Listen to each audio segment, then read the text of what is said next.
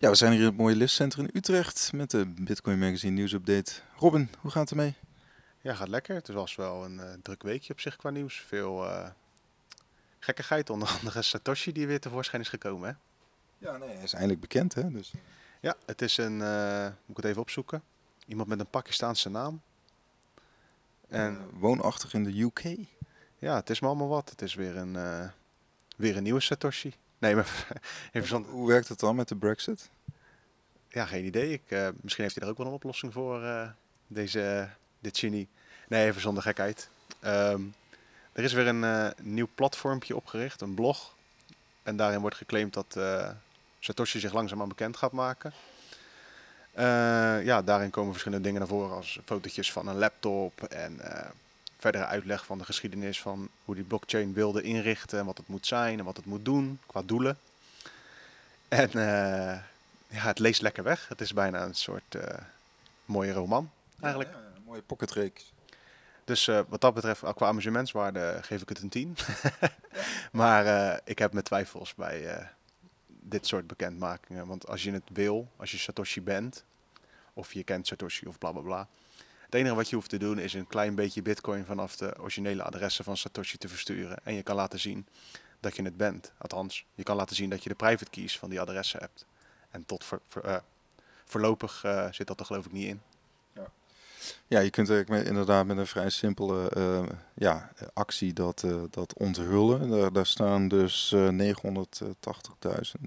bitcoin op. Hè? Dus stel dat deze meneer uh, het is, dan, uh, dan heeft hij een mooie duit. Uh, dan heeft hij toch al 9,8 miljard dollar aan, aan kapitaal. Waarom zou je dan bekendmaken? Dan word je toch ook een target? Ja, nou sowieso. Um, als dat beweegt, dan dont natuurlijk heel de prijs van bitcoin in elkaar. Want dan is er in één keer een miljoen supply, een soort van meer. We gaan er nu allemaal vanuit dat dat nooit meer gaat bewegen. Dus het is niet zo dat je dat direct kan vertalen naar kapitaal. Je kan het niet gebruiken als je het wil. Eens.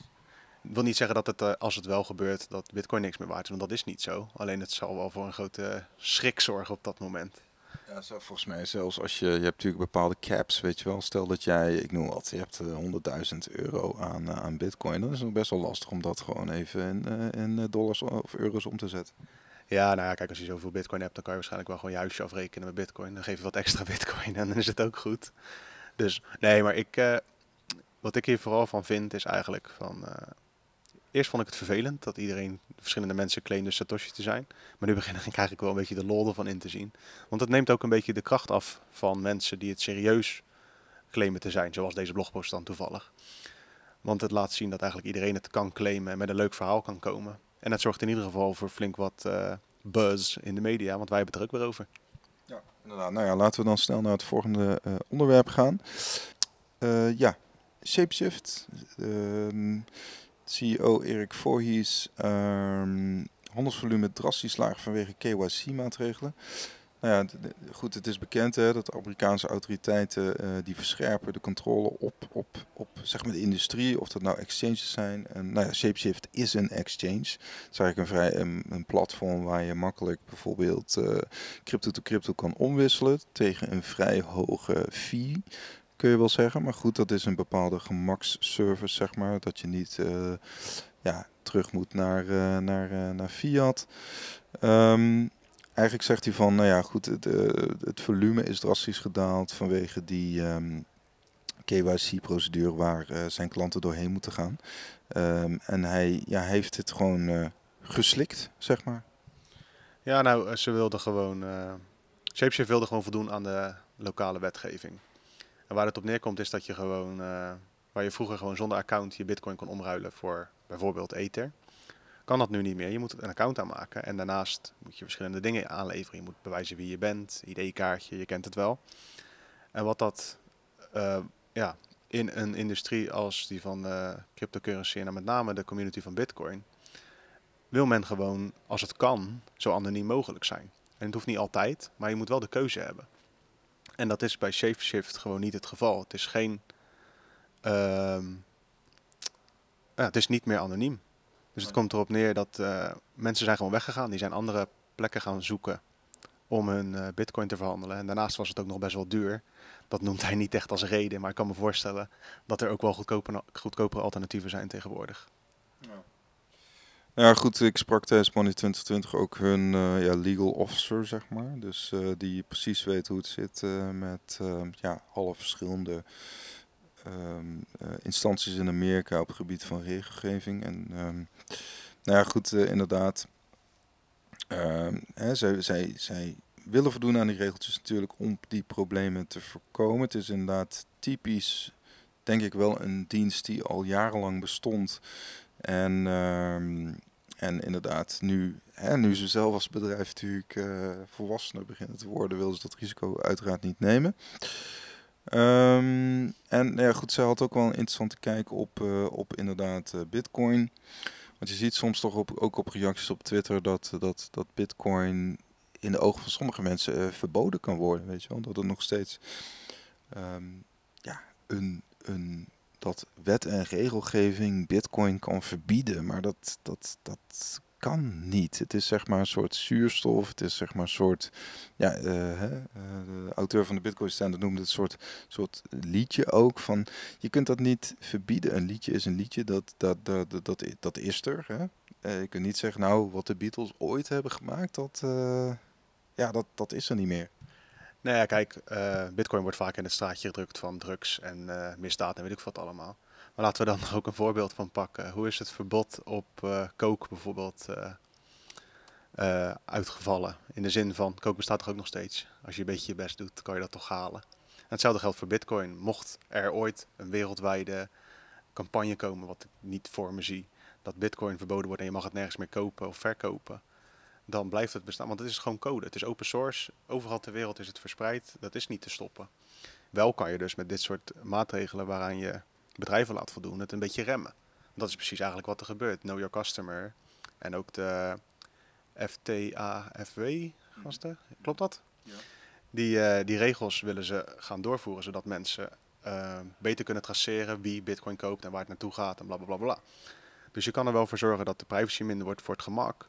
Maar dit wil niet zeggen van de mensen die echt bitcoin privé willen gebruiken, die kunnen dat nog steeds doen. Dan moet je een, eh, een plek vinden waar je dat kan kopen zonder je identiteit weg te geven. En die zijn er gewoon. Dat wil ik niet promoten of ik wil je ook niet zeggen dat je dat niet moet doen. Maar die plekken blijven er gewoon zijn. Dus het is niet zo dat het verboden kan worden, maar ik vind wel dat het tegengewerkt kan worden. Slash, ehm, ja, eigenlijk vooral gewoon tegengewerkt kan worden door dit soort regeltjes. Wat niet wil zeggen dat het niet logisch is. Want overheden willen gewoon weten eh, wie wat in bezit heeft. En dat kun je heel erg vinden, maar dat is de situatie hoe het is. Dus die regels kunnen er wel voor zorgen dat de groei wordt ingeperkt. Nou ja, blijkbaar had Shapeshift in dit geval best wel wat klanten die dat eh, niet wilden. Want eh, die dan volgens uh, droogt hun volume toch, toch op. Hè? En dan heb je ook nog dat ze misschien overspringen naar, naar, naar Monero of Zcash of, of Dash, zeg maar, meer de privacy coins. Waar ehm, eigenlijk op de blockchain niet is te achterhalen ja, wie er achter een bepaalde transactie zit. En dat is natuurlijk nog steeds een interessante hoe eh, de autoriteiten daarop gaan reageren. Want bijvoorbeeld eh, ja, de mixers, de bitcoin mixers, die zijn, kun je zeggen, verboden. Hè? Want de field heeft daar tegen opgetreden. Eh, maar ja, die privacy coins, die zijn er ook nog steeds. Dus dat is een interessante. Nou ja, verboden. Je mag het voor mij gewoon gebruiken. Alleen als het gebruikt wordt voor witwassen, dan is het een probleem. En als blijkt dat veel mensen het gebruiken als witwas-tool, dan gooien ze je zaakje dicht. Dat hebben ze met Europol en inderdaad de Field samen recentelijk nog gedaan. Was dat ook een Nederlands eh, mixer? Weet ik niet uit mijn hoofd. Nou, Maar op zich terecht natuurlijk. ja, nee, kijk, als er bewijzen zijn, want dat, is ook, dat wordt niet echt genoemd. Dus ze laten zeg maar niet transacties zien met blok-ID's en weet ik wat allemaal, om te laten zien, nou, deze transacties zijn gebruikt met crimineel geld. Dat is niet gebeurd. Dus het, ja, je moet het ook maar een beetje aannemen. En als we nou één ding weten en wat ook waar crypto en vooral bitcoin voor staat is, don't trust, verify. Als ze het laten zien op de chain van, joh, dit is gestolen bitcoin van deze exchange, dat is gebruikt om witte, of deze mixer is gebruikt om dat geld wit te wassen, dan kan je een soort van valide case maken. Maar tot op heden wordt dat niet echt gedeeld. Ja, het is eigenlijk een, een maatregel vanuit een oud systeem waarbij hè, wij tussen haakjes eh, een derde partij moeten vertrouwen. Exact. centrale partij. En dat is niet altijd fout of verkeerd, maar in dit geval heb ik zoiets van, het, voor mij is het makkelijker te bewijzen dan, eh, dan normaal. Ja, misschien leuk om dat eh, gewoon eh, bij de field eens op te vragen. Ja, laten we dat eens doen. De PR meneer of mevrouw van de field eh, even een mail sturen. Let's do that. Op zich een leuk haakje is dat, dat Bitcoin developers in het algemeen populairder worden. Ik bedoel, gisteren was in het nieuws dat ehm, de Crypto Square, dat is een onderdeel van, van Square. En Square is dan weer, valt onder het Twitter-concern van Jack Dorsey. En nou ja, daar kun je eh, Bitcoin kopen hè, met de, de Cash app van Square. En ehm, nou ja, zo goed, ze willen dus een open source eh, applicaties op het Bitcoin-netwerk. Of ik moet zeggen, applicaties op het Bitcoin-netwerk gaan stimuleren door een eigen team te ontwikkelen. Nou ja, goed, ze hebben nu Matt Corello, dat is ook een medeoprichter van, van Blockstream, aangetrokken. Nou, een, een soort supertransfer, zeg maar. En toch een soort, eh, ja, ik wil niet zeggen Messi of Ronaldo, maar het is wel een prominente Bitcoin-developer. Ja, zeker. En het is. eh, Jack heeft dus, Jack Dorsey heeft dus al aangegeven dat hij gewoon de Bitcoin space wil gaan ondersteunen. En eh, dit is de tweede hire, zeg maar. En dat, je noemde net Blockstream. Matt Corello is daar dus betrokken bij geweest. En Adam Beck is daar de CEO van. En die riep eh, eerder deze week Bedrijf. ja, het is een- zeker een bedrijf. Ja, er wordt ook gewoon goede knaken verdiend. Maar eh, die eh uitte op Twitter zijn, eh, ja, zijn frustraties over de ICO-markt. En dan met name over het geld wat daar is heen gestroomd. Wat eigenlijk allemaal naar developer is gegaan die, ja, laten we zeggen, voor minstens de helft aan dingen hebben gebouwd die niet echt interessant zijn. Laat ik het zacht uit. Miljarden dollars gaat het over. Ja, exact. En zijn frustratie is dus een beetje van, ja, eh, wij bouwen met z'n allen aan het open Bitcoin protocol. Maar waar is onze financiële love, zeg maar? Je hoeft geen medelijden met die gasten te hebben, want dat zijn oldschool Bitcoiners, die hebben hun schaapjes wel op het droge. Maar het is wel een interessante kwestie. En ehm, wat Jack Dorsey nu doet, is dus een aparte divisie oprichten. Specifiek voor mensen die die dan aan kan nemen, die relatief vrij aan het Bitcoin protocol mogen bouwen. Het is niet voor Twitter, het is niet voor Square. Ook al heet het Square Crypto. Het is echt voor Bitcoin, het Bitcoin protocol. En ik vind dat een interessante move. En ik eh, heb er best wel respect voor eigenlijk. Ik vind dat wel gaaf. Nou ja, BitMEX had eh, onlangs ook hè, dat ze dus een, eh, een developer met 60.000 dollar een soort donatie gaven. Dus je ziet wel dat, en dat is op zich ook wel terecht, weet je wel, dat ehm, de oude garde, die heeft natuurlijk met ledenogen aangezien dat, dat, eh, dat, dat gewoon de ene na het andere ICO-project gewoon miljoenen kon ophalen. Terwijl zij eh, van een soort van donatiesysteem, ondanks dat je natuurlijk de nodige bitcoins misschien in je wallet hebt, kan ik me voorstellen dat je die ook niet gelijk allemaal wil spenderen aan je eigen funding. Eh, terwijl je met een ERC20 token gewoon heel veel geld kan ophalen. Miljoenen en sommige miljarden, zoals EOS. Dus dat, dat, dat, dat, ik kan me voorstellen dat dat tot een soort van ja, scheve gezichten leidt. Van, en dat er ook gewoon zeer kritisch wordt gekeken naar wat gebeurt er dan met het ICO-geld. En, en vandaar dat je ook volgens mij zag dat de oude bitcoiners bijvoorbeeld Grin wel weer interessant vonden. Omdat het ook weer typisch zo'n project is wat ja, grassroots is. En, en wat een beetje van bottom-up eh, wordt, ehm, wordt opgebouwd, zeg maar, zonder ICO. Eh, heb jij daar nog een mening over? Ja, Grin is gewoon, eh Grin is gewoon zo'n voorbeeld van een, leuk experiment wat ze gedaan hebben met Mimblewimble protocol dat meer privacy zou moeten bieden, bla bla bla. Eh nou zijn x aantal bitcoiners inderdaad opgesprongen. Maar eh, het verschil daarmee is, is inderdaad dat het geen ICO is of zo. Iedereen heeft dezelfde kansen om mee te doen aan de netwerken. Behalve dat degene met meer geld uiteraard meer Grin kunnen kopen. Maar dat is in elke markt zo. En ik vind het eigenlijk vooral een goed moment van eh, bijvoorbeeld Adam Beck om hierover te beginnen. Want er begint toch een soort van shift te ontstaan, ook bij onszelf op de redactie. Van nou ja, eigenlijk is eh, het is Bitcoin en daarachter de hele tijd niks. En dan heb je misschien, of tenminste, misschien Ether er kort achter, Ethereum. En daarna is er eigenlijk de hele tijd niks. En dan kom je toch ook op tot de conclusie dat er een hele hoop miljoenen, miljarden verspild, misschien niet, misschien is het gewoon duur leergeld voor de industrie, eh verspild zijn aan projecten die eigenlijk niet levensvatbaar blijken te zijn. Terwijl we ook met z'n allen Bitcoin developers hadden kunnen ondersteunen en mensen kunnen motiveren om daaraan te bouwen, waar we allemaal wat aan hadden gehad. Ja. In plaats Goed, dat is achteraf. Hè? Maar kijk, de, de, de, markt, de markt die liegt niet. De markt die zegt gewoon, oké, dit is waar ik mijn geld in stop, weet je wel. En heel veel altcoins hebben het moeilijk. Ehm, Dus ehm, buiten een aantal uitzonderingen natuurlijk. Dus de druk, ja, we hebben het al een paar keer gezegd, de druk daarop neemt toe. Eh, en, maar goed, het gaat ook op een dieper niveau, bijvoorbeeld op Twitter dan, zie je wel echt een strijd inmiddels ontstaan tussen, tussen, tussen de, de, de bitcoiners. En, en dat wordt dan omschreven als een toxic, hè, dus echt een, een, een giftige, uh, giftige uh, sfeer, zeg maar, of giftige. En inderdaad, uh, Ethereum, waarbij de oude bitcoiners als argument hebben van Oké, Ethereum, jij was een supercomputer en jij hebt ervoor gezorgd dat uh, die, al die tokens gemaakt kunnen worden. Um, ja, wat, wat, wat is daar zeg maar nu bewijs van, van terechtgekomen? Uh, en wat is nou eigenlijk het nut van, van Ether ook als, als token buiten natuurlijk speculatie op de beurs? Uh, dus dat, dat is één ding.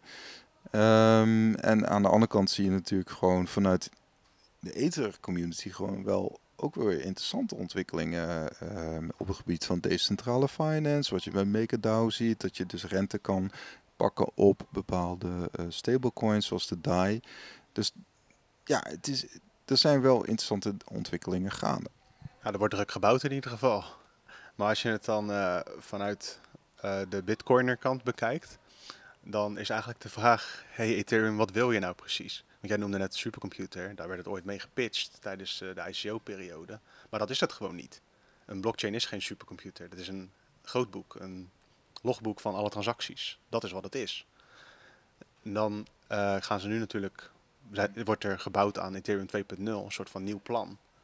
Maar dat is eigenlijk gooit het alle spelregels van op dit moment gooit het overboord. Dus op zich is er dan de terechte kritiek altijd wel geweest van, joh Ethereum, wat ben je nou precies voor project? En dat wil niet zeggen dat er geen super interessante dingen op kunnen gebeuren. Want ik ben het met je eens dat ja, je hebt dan uh, decentralized finance, heet dat dan uh, nu in een fancy term.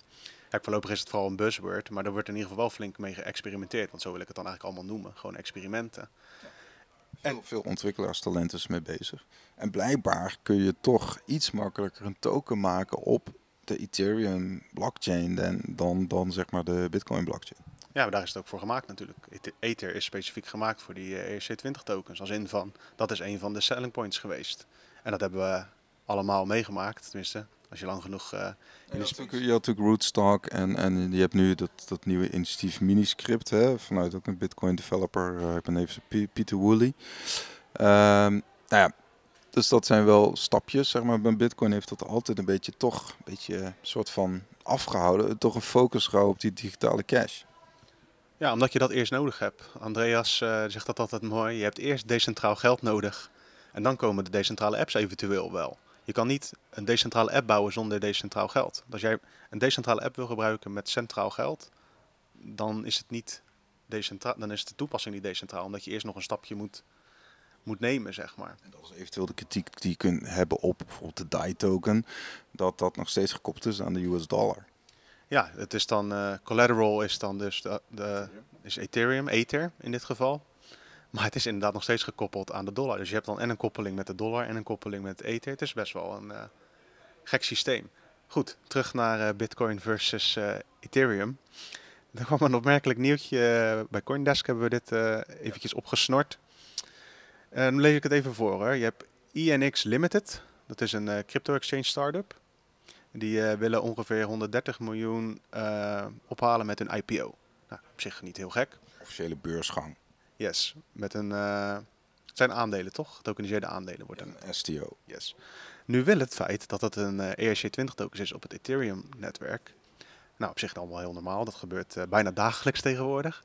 Maar het hele gekke is dat de Magical Crypto Friends, die altijd heel erg tegen Ethereum zijn, daar grote investeerders in zijn. Zij doen mee aan, aan de funding. Sterker nog, zij zitten bij de Board of Advisors, toch? Ja, een paar, bijvoorbeeld Samson Mao van, van Blockstream, die werkt bij Blockstream, die zit, die zit in de advisors. Mark Yusko van Morgan Creek, Nou ja, Stefan Jespers, dat is de, de echte naam van eh, Will Panda.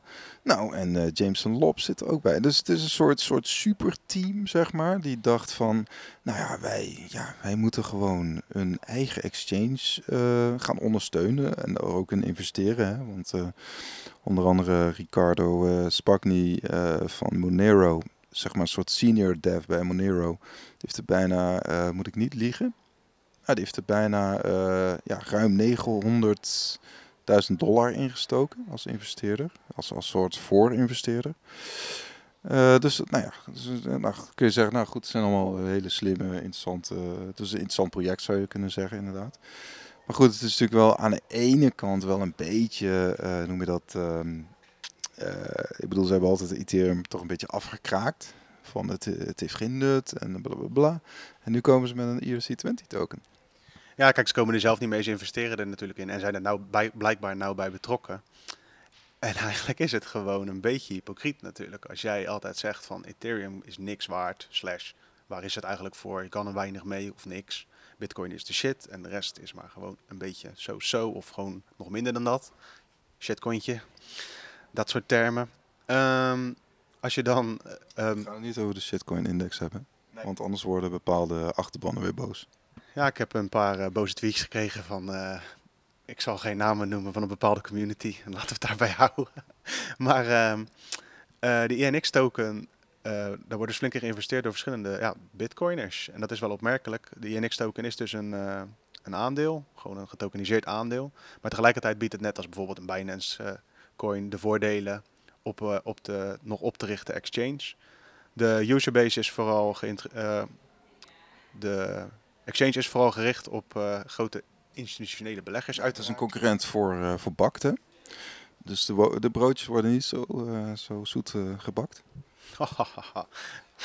nee, het is. nou, ik vind het eigenlijk gewoon heel opmerkelijk dat je zeg maar als partij van de Magical Crypto Friends met z'n allen bij elkaar altijd, als je een videootje uitbrengt, alle coins belachelijk maakt en Bitcoin ophemelt. Waar ik fan van ben hoor, want ik zit ook meer in dat kamp dan in een, in een ander kamp. Ze Maar- het leuk. Ja, het, is dus, het feit is dus dat ze bij elkaar miljoenen hebben geïnvesteerd in een ERC20 token, dat weliswaar een aandeel is. Ja, je kunt zeggen het is een security token, dus het, maar in dit artikel wordt ook gezegd het heeft wel soms een beetje het karakter van een utility token. En Net zoals bij Binance Coin kun je, ja, kun je dus eh, zeg maar ehm, je transacties afrekenen met de INX token. Eh, nou, opmerkelijk, opmerkelijk nieuwtje. eh, hulde voor de Block Crypto. Die, die kwam zeg maar, of en ook Coindesk natuurlijk. Maar ik bedoel, de Block Crypto die, ehm, die ging in ieder geval op Twitter wel de discussie aan. En tot nu toe een behoorlijke radiostilte. Ehm maar goed, het is in ieder geval eh, opmerkelijk trouwens, Charlie Lee is ook investeerder hè, van Litecoin. Niet onvermeld laten. Eh, maar ja, goed, die had op een goed moment natuurlijk uitgecashed. eh, eind 2017. Ja, het is een waar sterrenensemble toch? Als je kijkt naar het cryptolandschap, dan zijn het bijna allemaal, je noemde net Messi of Ronaldo, zijn allemaal grote spelers hoor. Het is wel, eh, Een beetje het Ajax. laten we het daar niet over hebben. Hè. Oké, dit was de podcast. Nee, ja, kijk, ik vind het gewoon heel opmerkelijk dat die gasten in het openbaar altijd zo heel erg tegen Ethereum zijn. En dan dus nu blijkbaar miljoenen hebben gestoken in een Ethereum token. Moet bijgezegd worden, het is geen eh puur utility token als een, eh noem eens wat, een Chainlink of een Basic Attention token. Het is wel echt wat anders. Het is een eh, security token. Het is een uitgegeven aandeel die getokeniseerd is. Het, wo- het wordt waarschijnlijk niet, zoals ik het nu begrijp, wordt het niet zoals een utility token ook nog apart, zeg maar, gelist. Hè? Eh, het is dus in die zin een, een aandeel in die beurs. Eh, je had natuurlijk Kraken had eh, eerder dit jaar ook een soort aandelenuitgifte. En ik, nou ja, zal ik het zo zeggen, ik denk wel gek genoeg, ondanks toch de bepaalde hypocrisie, zit zij wel in de nieuwe trend. En dat de nieuwe trend is, denk ik persoonlijk, inderdaad, nou, dominantie van Bitcoin die blijft vrij hoog. Utility tokens gaan het gewoon moeilijk krijgen. En er komt toch wel zeker een shift richting die STO's.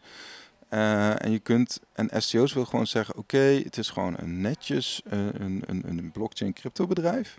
Of een beurs is of een bepaald fonds. Daar kun jij je- netjes je aandeel in kopen. Interessant, want dan kun jij, eh, net zoals een VC, gewoon mee, eh, meedoen, zeg maar.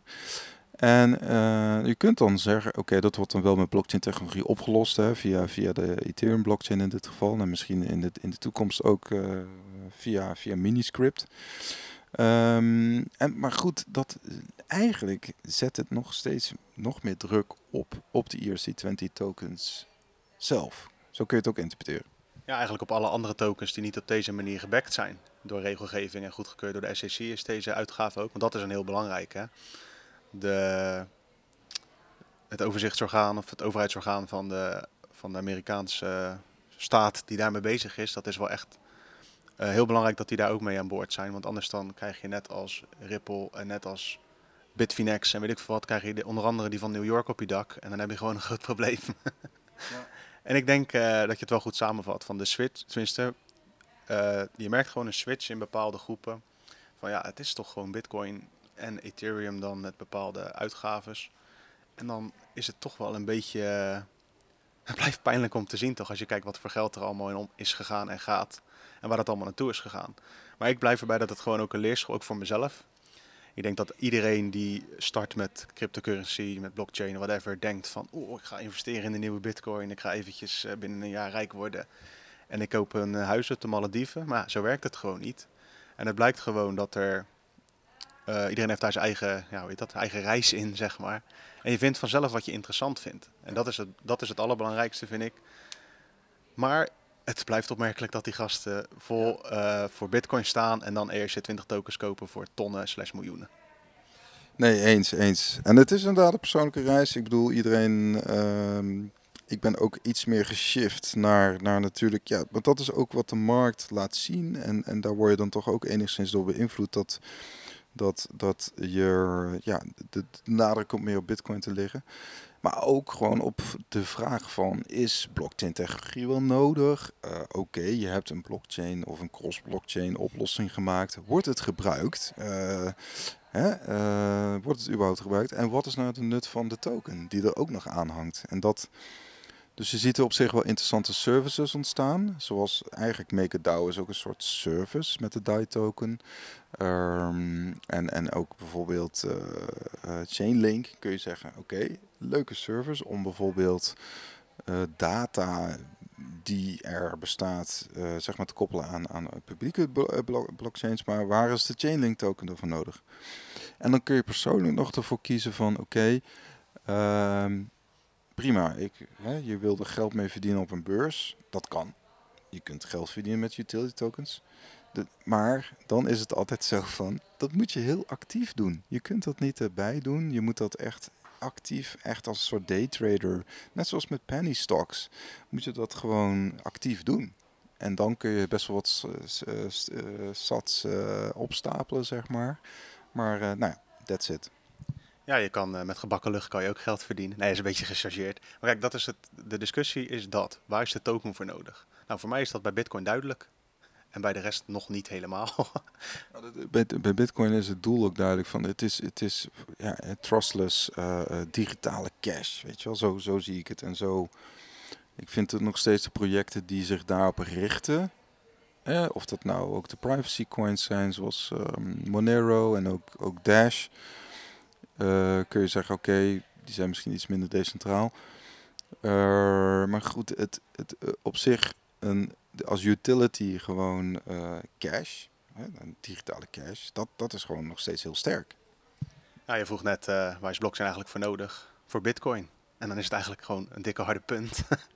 en dan wil ik nog eventjes zeggen dat we allemaal de bitcoin standard moeten gaan lezen. En dan, ja, dan heb je een betere blik, of tenminste een openere blik of juist een geslotenere blik naar de rest van de industrie. Zodat je begrijpt waar geld vandaan komt en uh, waar we eventueel naartoe kunnen gaan.